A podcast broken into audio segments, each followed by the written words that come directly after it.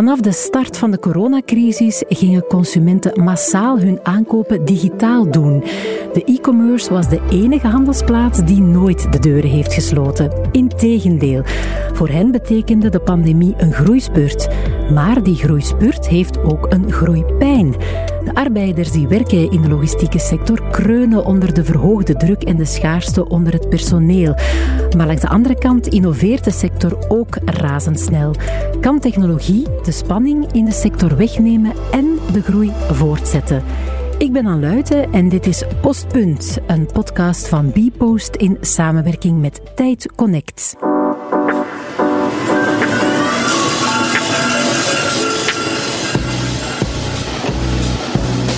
Mijn naam is Gert Helmans en uh, ik ben General Manager of Activents in België. Mensen en robots werken hier, uh, werken hier samen. Dus wij doen webshop fulfillment. Dat is eigenlijk het volledige logistieke proces voor orders uh, die dat op, op webshops plaatsvinden. Dus wij nemen de stok binnen van onze, onze klanten. en vanaf dat er eigenlijk een order of een, een, bestelling plaatsvindt op een webshop, gaan wij eigenlijk het, het, het volledige order, de orderverwerking doen. En als het eigenlijk goederen hier aankomen en aangeleverd worden door onze webshops, gaan wij die goederen sorteren, uitpakken en dan op basis van eigenlijk artificial intelligence worden die goederen door camera's eigenlijk ook gemeten. En dan worden die opgeslagen, wat wij noemen in ons autostore systeem. Dus eigenlijk een, een matrix, een kubusvormige opslaglocatie met allemaal bakken waar robotjes bovenop rijden. En die robots gaan eigenlijk de bakken met goederen in, gaan die automatisch wegleggen. Vanaf dat er eigenlijk dan een order op een webshop besteld wordt, dan gaan die robotjes die bakken halen en dan brengen die die bakken met de juiste producten in naar een operator. En uh, onze werknemers, dus de operator, die moet dan juist nog het juiste product uit de bak nemen. En die legt dat dan in een leeg doosje dat door een andere robot eigenlijk wordt aangebracht. Vanaf dat product door onze operator in het doosje is geplaatst, gaat die AMR-robot daarmee naar een automatische impactmachine. En die automatische impactmachine die gaat ook meten hoe diep het product zit. En die gaat het, eigenlijk de, het, het, doosje daar rond sluiten, zodat we eigenlijk zo weinig mogelijk lucht vervoeren. Uh, vanaf dat eigenlijk het pakketje gesloten en ingepakt is, dan gaat uh, het, het, robotje dat terugkomen ophalen en naar een sorteerband brengen. En dan wordt het eigenlijk gesorteerd al per vervoerder. Wij geloven dat het, werk voor mensen dat dat niet meer aangenaam is om in een, op een traditionele manier tot 20, 25 kilometer te gaan afleggen per dag onder zeer zware druk of KPI's. Dus dat werk, het snelle, repetitieve, het zware werk, dat gaat meer en meer overgenomen worden door robots. Wat er eigenlijk voor moet zorgen dat het aangename werk dat overblijft eigenlijk door mensen kan gedaan worden.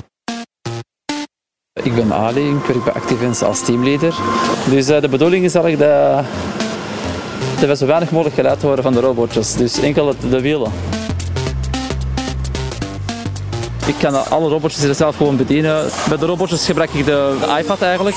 Uh, stel dat er een fout is bij de robot, zie je direct aan de kleur. Uh, kan ik direct ook eigenlijk gemakkelijk oplossen. Dan haal je eigenlijk gewoon de robot eruit en uh, zie wat het probleem is met de robot. Binnen de vijf minuten is terug alles oké. In 2022 is de bedoeling dat we hier ongeveer een miljoen pakketjes gaan ver verwerken. Uh, en dan zullen we ongeveer met een vijftigtal werknemers zijn en ongeveer een, een tachtigtal uh, robots. Dag Jeroen Dekker hier in de studio, oprichter van Active Ants. We hoorden net twee van jouw collega's. Um, Active Ants, voor alle duidelijkheid, Engels voor actieve mieren. Ja, dat klopt. Zijn dat dan de robotjes, de mensen? Dat zijn allebei, zowel de robots als de mensen werken samen. Ja, en van waar of hoe zijn jullie daarop gekomen, Active Ants, of hoe is dat bedrijf ontstaan? Uh, Zo'n 11, 12 jaar geleden ben ik met mijn compagnon samen het bedrijf gestart in Nederland. En uh, we zagen de e-commerce uh, groei. En uh, we zagen ook dat de traditionele logistiek eigenlijk geen, goede, geen goed antwoord had op die snel groeiende e-commerce sector. Dus het, uh, het orderpicking voor webshops, dat, dat was niet echt, hadden de traditionele logistieke bedrijven niet echt in de vingers. En wij dachten dat we dat beter konden door een combinatie te maken van automatisering, robots, robotisering en, en die samenwerken met mensen. En daar hebben we een model voor uitgewerkt en dat, dat, dat draait vrij succesvol, kan ik wel zeggen. Ja, we hoorden net in die reportage Um, een aantal voorbeelden. Ik vond het een beetje science fiction, maar dan in het echt. Um, het, het werkt inderdaad. Jullie gaan daar ook mee verder. Bpost heeft jullie ook overgenomen. Hoe is dat precies gegaan? Ja, dus in 2018 waren we in Nederland vrij hard aan het groeien. Alleen als je veel in robots en automatisering investeert, dan heb je veel kapitaal nodig. En als zelfstandig ondernemers zaten we aan ons plafond, maar we konden nog wel heel snel groeien. En toen hebben we dus een investeerder gezocht en toen hebben we Bpost gevonden. En dan is een heel goed, een goed nieuw huwelijk gestart eigenlijk. Ja. Een succesvol huwelijk? Absoluut, want nou, we zijn nu al bijna vier jaar ja, succesvol in de groep. En we hebben een tweetal jaren geleden ook besloten om internationaal heel hard door te groeien met het succesvolle Active Events Fulfillment concept. Dus ja, we hebben dan vorig jaar zijn we geopend in Duitsland en, en België. En dit jaar gaan we open in, in Engeland. Dus we gaan, we gaan heel hard. Ja, en wat is jullie sterkte dan? Waarom gaan jullie zo hard?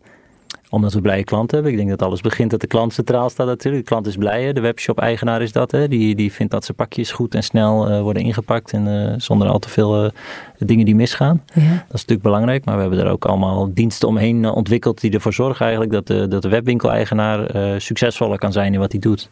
Hè, dus als je heel snel naar de consument levert, de consument is blij, komen ze sneller terug. Nou, daar zorgen wij voor. Als je mm. altijd het juiste levert op het juiste moment, nou, vinden ze fijn.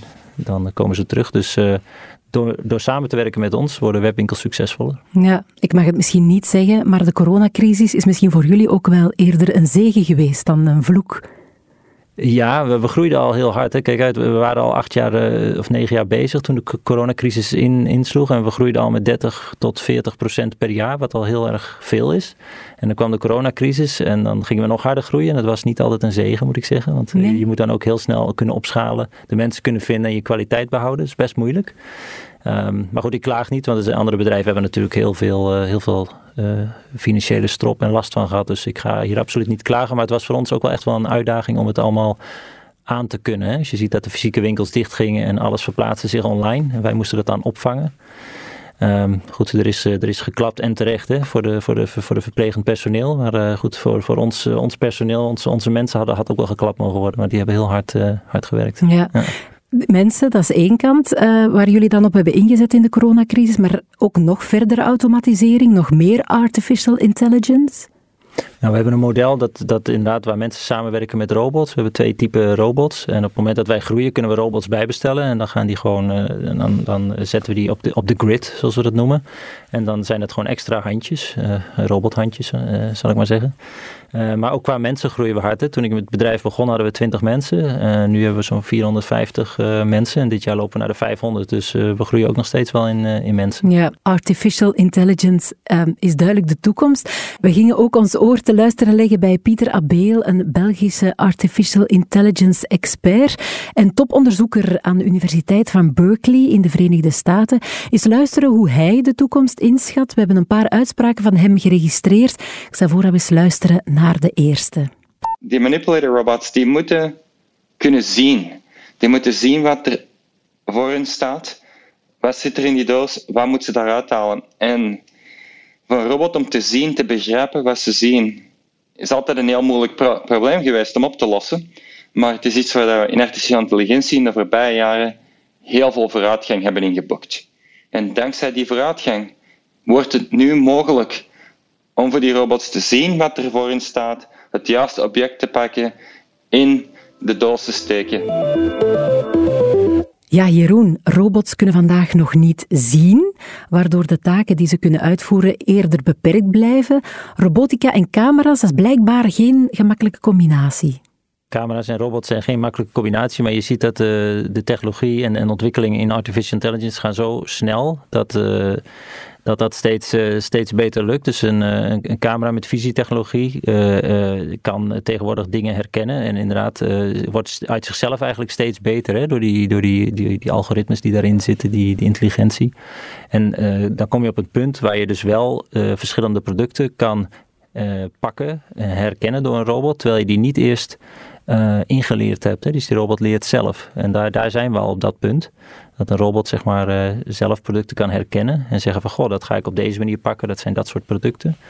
Um, daarmee zijn wij al aan het, uh, aan het testen en dat, en dat gaat heel, heel goed. Dus, dus ja, het, het, de robotisering in de magazijnen gaat steeds, gaat steeds verder. Mm. Robots kunnen blijkbaar al heel veel. Ehm, vandaag de dag in de toekomst zelfs nog meer. En dan denk ik, goh, hebben we dan nog mensen nodig?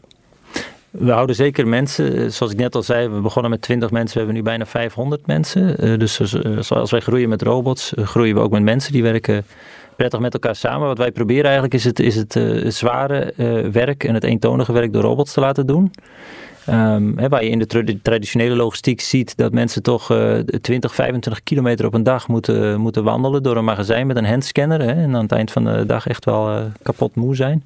En misschien maar 10 minuten naar de wc mogen. Er zijn hele strakke KPI's die ze daarop zetten. Uh, dat hebben wij allemaal, dat werk hebben wij allemaal aan robots gegeven. Um, en de mensen bij ons doen dan het, het, slimmere werk, wat ook moeilijker gedaan kan worden door robots. En die combinatie, ja, die is, die is heel waardevol. Die is duurzaam, zeggen we dan. Hè. Duurzaam, hè, ons bedrijf is heel duurzaam als we naar milieuaspecten kijken, maar ook duurzaam als we naar menselijke aspecten kijken. Ja, dus die menselijke factor blijft, blijft belangrijk. Die blijft heel belangrijk, ja, absoluut. Oké, we gaan nog eens luisteren naar een, eh, een tweede uitspraak van Pieter Abeel.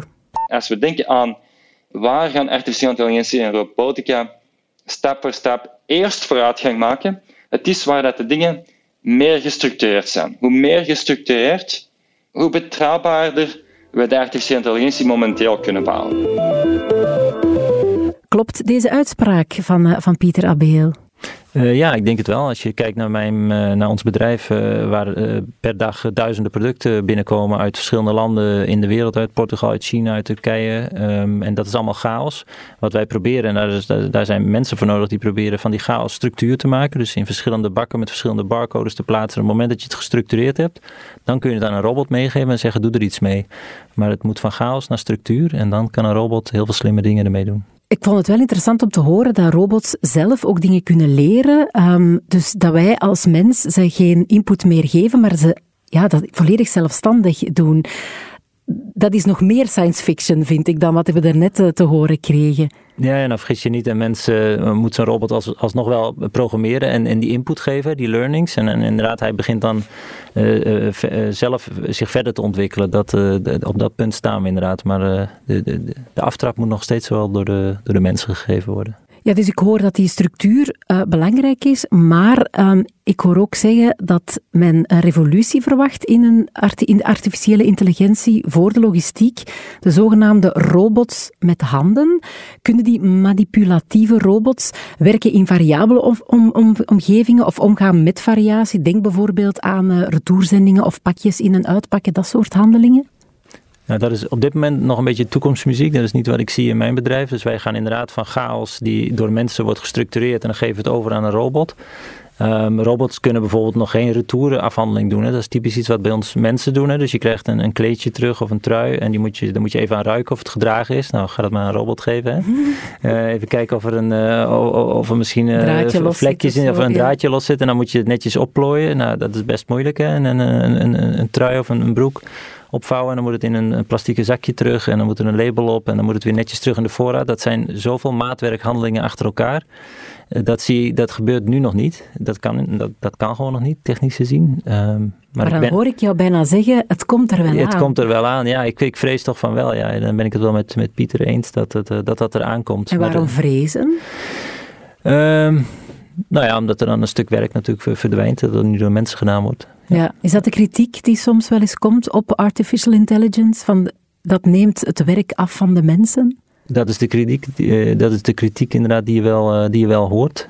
Um, en dat is ook iets waar we goed over moeten nadenken natuurlijk. Dat is ook niet heel, heel onterecht. Hè? Mm je moet kijken inderdaad wat je de mensen laat doen die op dat moment uh, dat werk deden. En dan moet je heel goed over nadenken met z'n allen. Dat de technologie komt, dat, dat staat vast. En uh, wat we ermee gaan, uh, gaan doen en wat we aan de, met de mensen gaan doen die dan ander werk moeten gaan doen, daar moeten we met z'n allen heel goed over nadenken. Dus artificial intelligence zorgt ervoor dat een bepaalde functie minder nodig zal zijn, omdat die kan overgenomen worden door robots onder andere. Maar tegelijkertijd hoor ik jou ook zeggen, ja, je bent gegroeid van 20 man naar 500 man. Hoe kan dat dan? We groeien hard omdat uh, mensen blijven nog heel erg hard nodig hebben. We hebben veel nieuwe functies gecreëerd, uh, zoals het, technische dienstmedewerkers. Er zijn mensen bij ons die zijn begonnen als, als inpakker. En die lopen nu met een iPad rond om, om robotjes aan te sturen of, uh, of om tandwielen te vervangen. Dus er zijn heel veel nieuwe functies weer gekomen. Um, hebben jullie nog vacatures openstaan? Oeh, we hebben zoveel vacatures. Ja, zeker op deze moment. Ja, ja, ja, ja. We kunnen we vinden te weinig mensen om eerlijk te zijn. Dus bij deze een oproep. Uh, zoek je nog een, mhm. een, job in het magazijn? Nee. Maar zeker, ja, we zoeken veel mensen. Dat brengt ons naadloos bij de laatste quote van Pieter Abeel. Um, ja, kunnen robots alle taken van mensen in pakweg een magazijn bijvoorbeeld overnemen? Dit is wat hij ervan denkt. Als we denken wat er momenteel gedaan wordt, denk ik inderdaad dat er meer en meer van het huidige werk kan geautomatiseerd worden over de komende jaren. En dan de vraag wordt natuurlijk, wat is het nieuwe werk dat we gaan doen binnen die warenhuizen? Misschien hebben we meer geavanceerd returns processing, uh, meer, meer geavanceerd uh, recycling, recycleren.